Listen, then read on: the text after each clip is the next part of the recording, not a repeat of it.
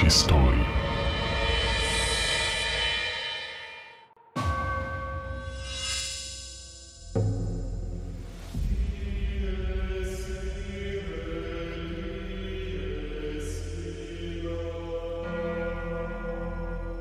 Po śmierci papieża Aleksandra VI wielu ówczesnych dostojników kościelnych odetchnęło z ulgą.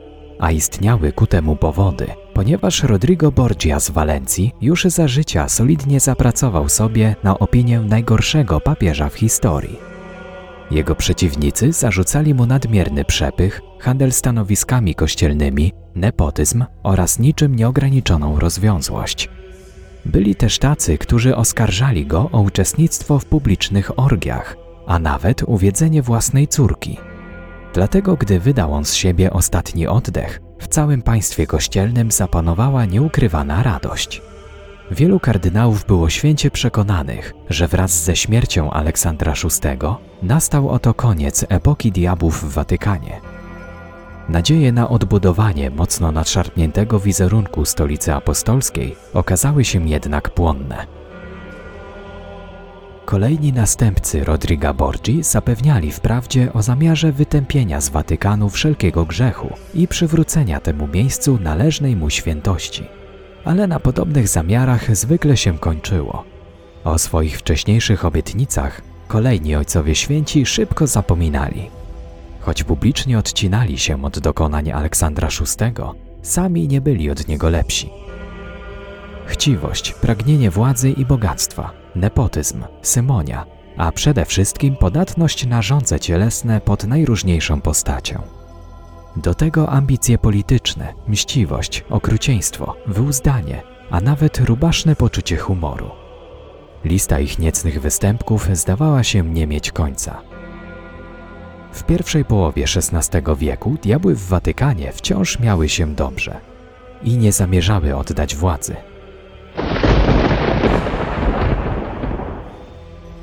Diabły w Watykanie. Część czwarta.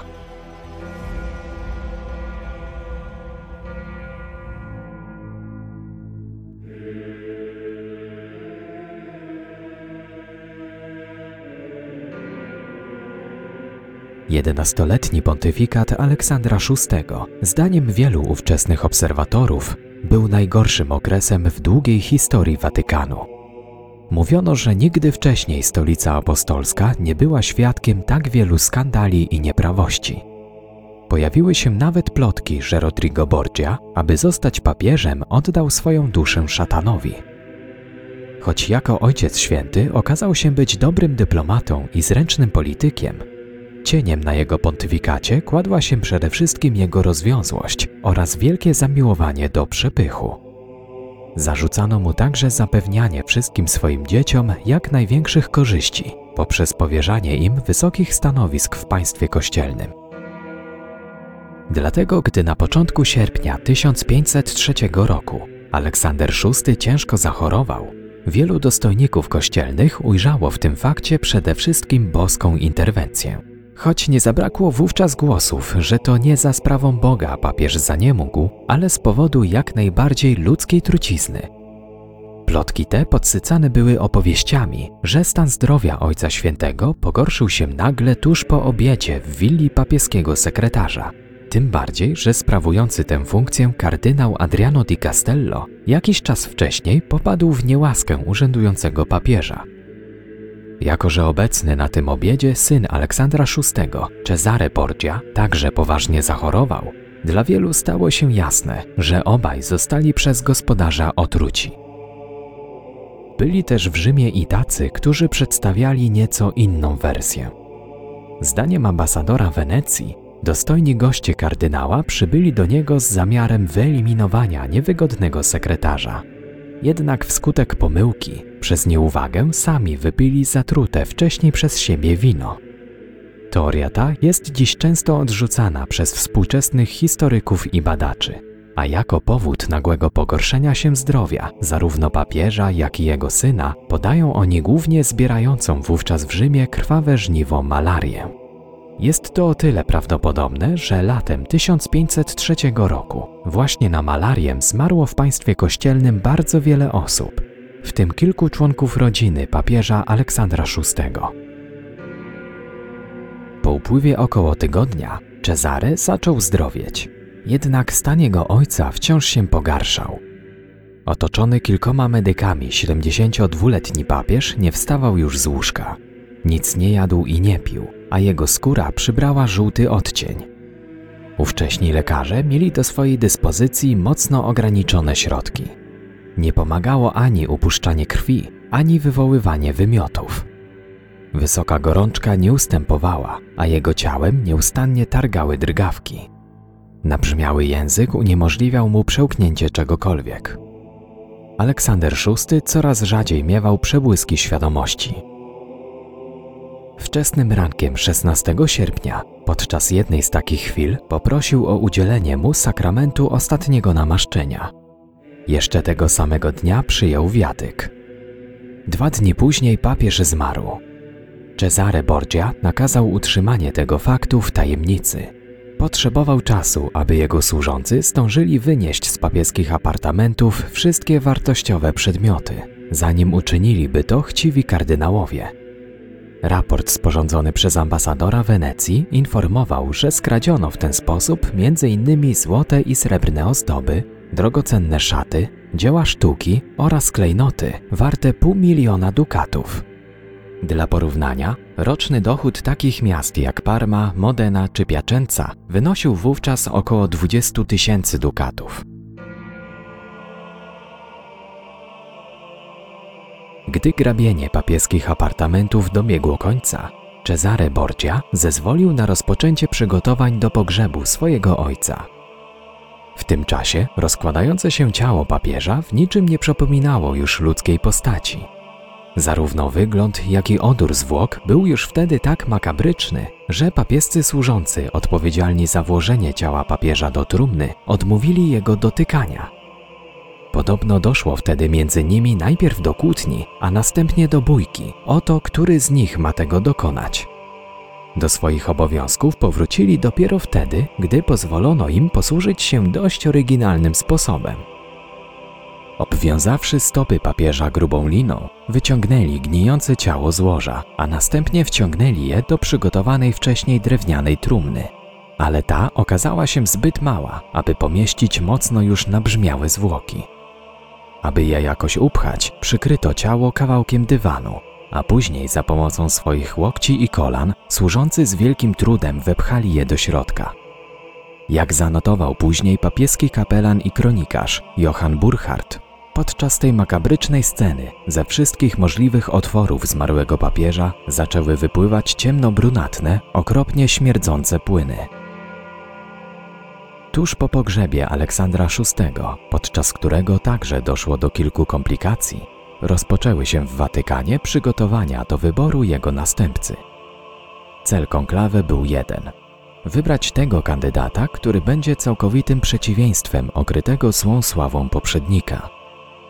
Zdecydowanym faworytem do objęcia tronu Piotrowego był pochodzący z Ligurii 60-letni kardynał Giuliano della Rovere, słynący ze swojej wielkiej nienawiści do całego rodu Borgiów. Liczono więc na to, że jako nowy papież odbuduje on wizerunek stolicy apostolskiej, tak bardzo nadszarpnięty przez pontyfikat Aleksandra VI, a przy okazji, jako uznany watykański administrator, zapełni papieski skarbiec, który jego poprzednik pozostawił niemal zupełnie pusty.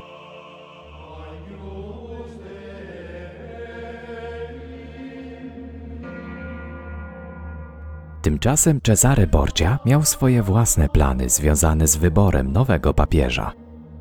Choć po śmierci potężnego ojca jego wpływy w państwie kościelnym drastycznie zmalały, wciąż miał on rzeszę oddanych mu zwolenników i pieniądze, którymi potrafił się posłużyć, a także swój wielki, wciąż jeszcze niezrealizowany życiowy cel.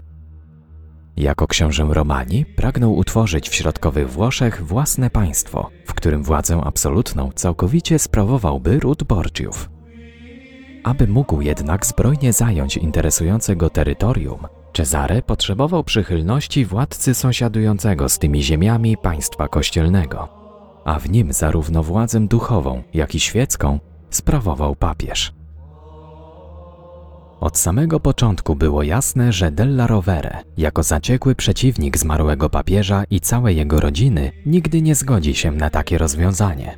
Co więcej, istniała realna groźba interwencji zbrojnej z jego strony na ziemię zajęte przez Borgię, gdyby kardynał z Ligurii został nowym Ojcem Świętym. Tym bardziej, że powszechnie znane było jego zamiłowanie do prowadzenia wojen. Znacznie bardziej ugodowy był jego główny konkurent, pochodzący z Toskanii 64-letni kardynał Francesco Piccolomini. Cezare otrzymał od niego obietnicę zachowania daleko idącej neutralności państwa kościelnego w kwestii jego ambitnych planów. Oczywiście w zamian za skuteczną pomoc w walce o tron Piotrowy. 28-letni książę Romani właśnie takiego papieża potrzebował. Po przekupieniu większości kardynałów biorących udział w konklawę, 22 września 1503 roku kardynał Piccolomini został Ojcem Świętym i jako Pius III zasiadł na papieskim tronie. Niewiele osób wiedziało wówczas, że jego stan zdrowia był już wtedy bardzo zły, a pogorszył się jeszcze bardziej w trakcie długiej i wyczerpującej ceremonii koronacyjnej, podczas której następca Aleksandra VI kilka razy tracił i odzyskiwał przytomność. Cezare Borgia szybko zrozumiał, że jego ambitny plan się nie powiedzie, ponieważ wszystko wskazywało na to, że będzie to bardzo krótki pontyfikat. Jego obawy okazały się słuszne. Niespełna miesiąc później Pius III zmarł. Podczas przygotowań do wyboru jego następcy, Cezare Borgia robił wszystko, aby kolejnym papieżem nie został jego największy wróg, kardynał della Rovere ale wielki przegrany poprzedniego konklawę także nie próżnował. Postanowił na własną rękę zjednać sobie odpowiednich sojuszników. Obiecując innym kardynałom wiele wysokich stanowisk kościelnych oraz państwowych, otrzymał zapewnienia o ich poparciu w wyborze na papieża. Tych najbardziej niezdecydowanych przekupił dodatkowo pieniędzmi. Ale do zdobycia wymaganej większości potrzebował jeszcze poparcia kardynałów hiszpańskich – sympatyzujących z Borgiami, a ci stanowczo mu odmówili. Aby ich sobie zjednać, Della Rovere złożył swojemu wrogowi propozycję nie do odrzucenia. Dwa dni przed rozpoczęciem konklawe Cesare Borgia otrzymał od niego do podpisania specjalne porozumienie. Dokument gwarantował mu zachowanie stanowiska naczelnego dowódcy wojsk papieskich oraz wszystkich posiadanych tytułów i dóbr. Zapewniał także gwarancję nietykalności, zarówno dla niego samego, jak i członków jego rodu, gdyby Cezare skutecznie namówił swoich kardynałów do oddania głosu na Della Rovere. Książę Romani wiedział, że nie miał już takich wpływów jak wcześniej, a jego pozycja w państwie kościelnym wciąż słabła. Jednocześnie obawiał się, że Della Rovere może zostać wybrany nawet bez jego poparcia. Dlatego uznał, że lepiej będzie się z nim dogadać, niż zaryzykować utratę wszystkiego, co posiadał.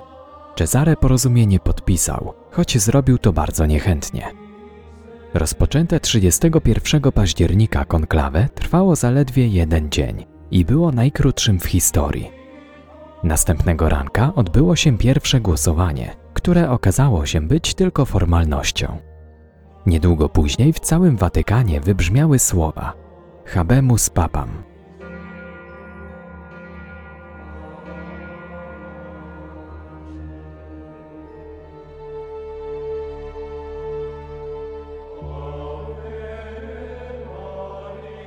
Nowy papież pochodził z arystokratycznego włoskiego rodu della Rovere. Ale gdy Giuliano przyszedł na świat w roku 1443, jego rodzina była jeszcze dość biedna. Jej wysoką pozycję ugruntował dopiero 30 lat później, wywodzący się z tego rodu papież Sixtus IV. Dzięki licznym nadaniom ziem i tytułów szlacheckich oraz zaaranżowaniu przez Ojca Świętego kilku prestiżowych małżeństw, Della Rovere szybko stali się potężni i bardzo wpływowi. Giuliano początkowo miał pójść w ślady swojego ojca i zostać kupcem. Plany te uległy jednak zmianie, gdy dobiegło końca jego dzieciństwo. Trafił wtedy do zakonu Franciszkanów, którego generałem był jego wuj Francesco. Został tam zapamiętany jako nieokrzesany i wulgarny młodzieniec z bardzo prymitywnym poczuciem humoru. Był arogancki, skłonny do kłótni i bijatyk. Odmawiał także noszenia habitu. Dodatkowo zasłynął z tego, że w jego wypowiedziach więcej było bluźnierczych przekleństw niż słów godnych zakonnika. Ostatecznie Giuliano nie złożył ślubów zakonnych. Zamiast tego rozpoczął studia prawnicze w Perugii. Kiedy w roku 1471 jego stryj, jako Sixtus IV, zasiadł na papieskim tronie, 28-letni Giuliano natychmiast zaczął awansować w hierarchii kościelnej. Sprawował wiele urzędów. Najpierw jako biskup, później kardynał. W roku 1476 został legatem papieskim w Awinionie. Był już wtedy bardzo wpływowym kardynałem. Na konklawę po śmierci swojego wuja, papieża Sextusa IV, przeforsował wybór własnego kandydata, który jako Innocenty VIII zasiadł na papieskim tronie. Jednocześnie zapragnął zostać jego następcą. Podobne plany miał także ambitny kardynał z Walencji, Rodrigo Borgia. Rywalizacja pomiędzy nimi rozpoczęła się jeszcze za życia urzędującego papieża. Obaj nie szczędzili środków na przekupienie każdego, kto mógł im pomóc w osiągnięciu celu. Na więcej mógł sobie pozwolić znacznie bogatszy Borgia i to on w roku 1492 wyszedł zwycięsko z tego pojedynku. Jako Aleksander VI stanął na czele kościoła. Della Rovere nigdy mu tego nie wybaczył, stając się największym wrogiem nie tylko Rodriga, ale także całej jego rodziny zaczął robić wszystko, aby zdetronizować nowego papieża i zająć jego miejsce. Borgia nie pozostawał mu dłużny, zlecając zabójstwo swojego konkurenta.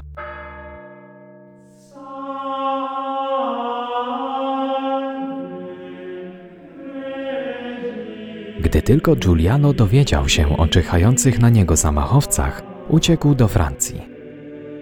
Schronienie znalazł na dworze francuskiego króla Karola VIII Walezjusza. W międzyczasie próbował nakłonić swojego protektora do otwartego wystąpienia przeciwko papieżowi.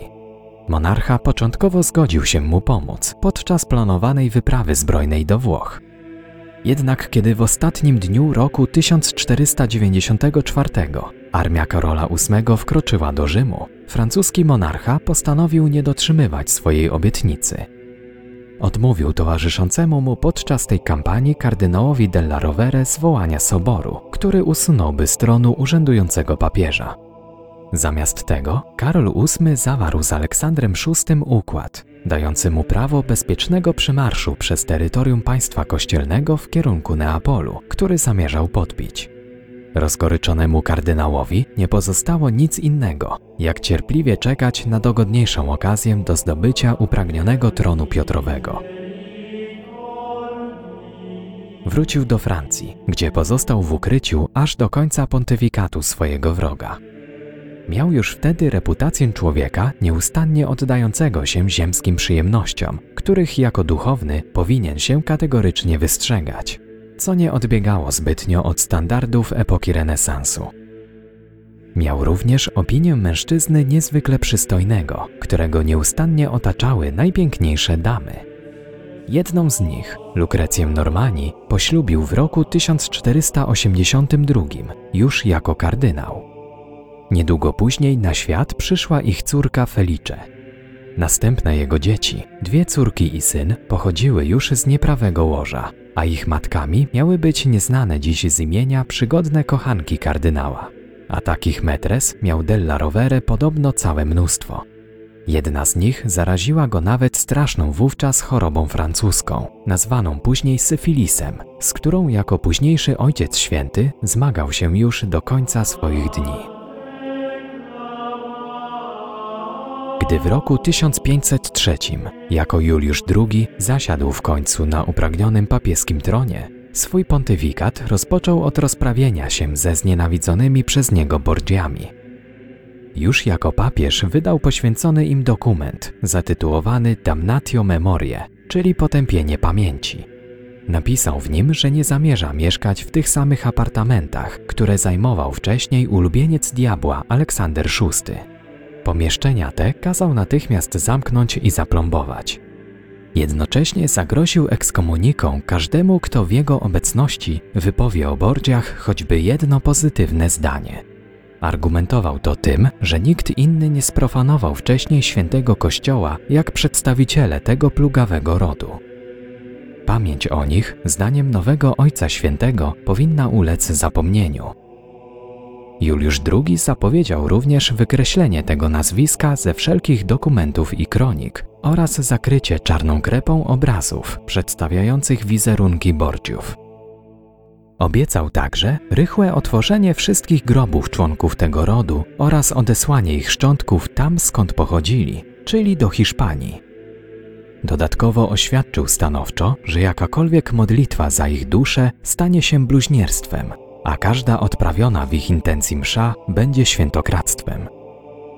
Po zapoznaniu się z treścią pierwszego dokumentu papieża, Cezary Borgia zdał sobie sprawę, że Juliusz II nie dotrzyma warunków porozumienia, które zawarli ze sobą przed konklawę.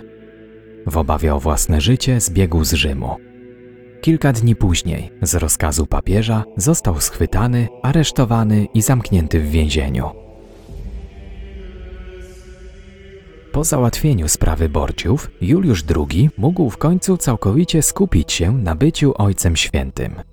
Zwłaszcza, że tak długo na to czekał. Jednak od samego początku sprawy świeckie były dla niego zdecydowanie ważniejsze niż sprawy boskie, a na pewno znacznie bardziej interesujące. Zresztą on sam nigdy nie ukrywał, że został duchownym tylko dlatego, że zmusił go do tego jego własny stryj. Szybko okazało się, że w zaspokajaniu swoich własnych pragnień Juliusz II był nad wyraz liberalny, a jego niemal niczym nieograniczona rozwiązłość natychmiast stała się ulubionym tematem plotek w całym Watykanie. Powiadano, że do swojego łoża sprowadzał zarówno dobrze urodzone damy, jak i najzwyklejsze nierządnice. Przy czym miał on bardziej preferować te drugie, ponieważ w trakcie nocnych igraszek Wykazywały się one znacznie większą wyobraźnią niż pruderyjne szlachcianki. Z czasem zainteresował się także mężczyznami, z którymi dopuszczał się sodomii. Gustował głównie w jasnowłosych młodzieńcach, którzy dopiero co weszli w okres dojrzewania. Za noce spędzone z papieżem mieli oni otrzymywać od niego złote pierścienie oraz tyle wina, ile tylko byli w stanie wypić. W bulli ogłoszonej 2 lipca 1510 roku obwieścił założenie domu publicznego, z którego połowa dochodów wpływała do papieskiego skarbca, a jedną czwartą dobytku pracujących tam kurtyzan po ich śmierci przekazywano rzymskim zakonnicom. Nie wiadomo, czy Juliusz II kiedykolwiek osobiście odwiedził stworzony przez siebie lupanar, ale nie można tego kategorycznie wykluczyć. Tym bardziej, że po Watykanie krążył już wówczas żart, że nie było w całym państwie kościelnym ani jednej niewiasty, której zaufania bezwstydny papież nie próbowałby nadużyć w sposób najbardziej lubieżny z możliwych. Jego przeciwnicy posądzali go także o burzliwy romans z Michałem Aniołem, któremu jako papież zlecił namalowanie fresków na sklepieniu kaplicy sykstyńskiej oraz powierzył realizację papieskiego grobowca. Obaj mieli ogromny temperament oraz niechęć do kompromisów. Dlatego wciąż dochodziło między nimi do ostrych kłótni czy awantur. Najczęściej z zupełnie błahych powodów. Wyrażali się wtedy o sobie nawzajem w niezwykle wulgarny sposób. Tak jak wtedy, gdy artysta pokazał Juliuszowi II zamówiony przez niego projekt papieskiej rzeźby. Gdy papież dowiedział się, że na posągu będzie trzymał w ręku Biblię, wściekł się nakazał zamianę świętej księgi na wielki miecz. Michał Anioł odmówił, nazywając papieża pijanym szaleńcem. W odwecie Juliusz II nazwał artystę diabelskim rzemieślnikiem i nieudacznikiem, po czym wypędził go z Watykanu oraz zagroził natychmiastową ekskomuniką. Jednak po każdym takim konflikcie obaj szybko się godzili, a następnie wznawiali współpracę. Ale czy ich znajomość przekroczyła granice moralności? Zdaniem współczesnych historyków nie ma na to absolutnie żadnych dowodów. a ich relację określają najczęściej jako szorstką przyjaźń. Juliusz II korzystał z życia pełnymi garściami, a pozwalał sobie praktycznie na wszystko. Gdy zmęczył się zaspokajaniem swoich własnych rządz cielesnych, z wielkim upodobaniem sięgał po alkohol. Pił często i dużo. Nie tylko sam, ale zmuszał do tego również ludzi ze swojego najbliższego otoczenia, zwłaszcza na wystawnych ucztach i balach, które chętnie urządzał. Osobiście pilnował, aby żaden z jego gości nie opuszczał takich biesiad o własnych siłach. Gdy papież uznał, że ktoś wypił przy nim za mało, oskarżał taką osobę o brak szacunku wobec niego jako gospodarza. Zdarzało się podobno, że swoim gościom za ich zbytnią jego zdaniem trzeźwość groził ekskomuniką i straszył wiecznym potępieniem. Jego zamiłowanie do alkoholu znane było nawet poza Watykanem. Władca Świętego Cesarstwa Rzymskiego, cesarz Maksymilian I Habsburg, w jednym ze swoich listów wprost nazwał Juliusza II wielkim niegodziwcem i jeszcze większym pijaczyną. Jednak to nie kobiece wdzięki i nie alkohol były dla tego papieża głównym źródłem przyjemności. Największym zainteresowaniem darzył on bowiem wszelkie wojaczki. Choć zabraniało mu tego prawo kanoniczne, gdy tylko mógł, zakładał na siebie zbroję i ruszał konno w bój na czele papieskiej armii. Z wielkim zapałem i niezwykłą odwagą walczył o poszerzenie i umocnienie granic państwa kościelnego, mocno osłabionego po pontyfikacie Aleksandra VI. Aby wzmocnić siłę swojej armii, Juliusz II w roku 1506 sprowadził ze Szwajcarii oddział 150 najdzielniejszych najemników – Wkrótce stali się oni przyboczną strażą Ojca Świętego, dając tym samym początek istniejącej do dziś słynnej papieskiej gwardii szwajcarskiej. Papież Juliusz II przeszedł do historii Kościoła jako odważny i bezkompromisowy mąż stanu oraz jako znakomity administrator. Choć część historyków zarzuca mu zbyt małe zaangażowanie w przeprowadzaniu reform kościelnych. Dziś znany jest głównie z tego, że zlecił Michałowi Aniołowi namalowanie fresków zdobiących sklepienie kaplicy sykstyńskiej. Utworzył także pierwsze biskupstwo w Ameryce Południowej. Ale chyba bardziej od jego złych lub dobrych dokonań zapamiętano jego budzący trwogę przydomek. Zanim jeszcze został papieżem, odznaczał się wyjątkowo twardym i wybuchowym charakterem – był człowiekiem mściwym i apodyktycznym. Nie znosił jakiegokolwiek sprzeciwu. Miał w zwyczaju bicie swoją drewnianą laską każdego, kto wyraził inne niż on zdanie lub choćby w najmniejszym stopniu go rozgniewał. Nie zmienił się nawet, gdy już został papieżem. Z tego powodu nadano mu przydomek Il Papa Terribile, czyli straszny papież. Wyczerpujące kampanie wojenne, na które z takim zapałem wyruszał, mocno nadwyrężyły zdrowie cierpiącego na syfilis papieża. W maju 1512 roku przestał odprawiać msze święte, ponieważ nie mógł już wtedy wstać z łóżka o własnych siłach. Swoją papieską działalność ograniczył od tego momentu wyłącznie do udzielania audiencji. W Wigilię Bożego Narodzenia 1512 roku po raz pierwszy otwarcie zapowiedział odwiedzającym go kardynałom swoją zbliżającą się nieuchronnie śmierć. Nakazał wówczas rozpoczęcie przygotowań do jego pogrzebu. Choć przez dwa następne miesiące papiescy medycy robili wszystko, co w ich mocy, aby go wyleczyć, stan Juliusza II nie uległ poprawie. 19 lutego 1513 roku przyjął komunię i uzyskał odpust zupełny. Zmarł dwa dni później, otoczony swoimi najbliższymi współpracownikami. Następnego dnia lekarze ogłosili, że oficjalną przyczyną śmierci Ojca Świętego była malaria. Nie ucięło to jednak plotek, mówiących, że tak naprawdę zabiło go zbyt wielkie zamiłowanie do przyjemności, niegodnych urzędu, który sprawował ale jego następcy pod wieloma względami mieli się okazać jeszcze gorsi. Tekst i realizacja Łukasz Włodarski. Czytał Hubert Pawlak. Podcast w mroku historii dostępny jest w serwisie YouTube oraz Spotify.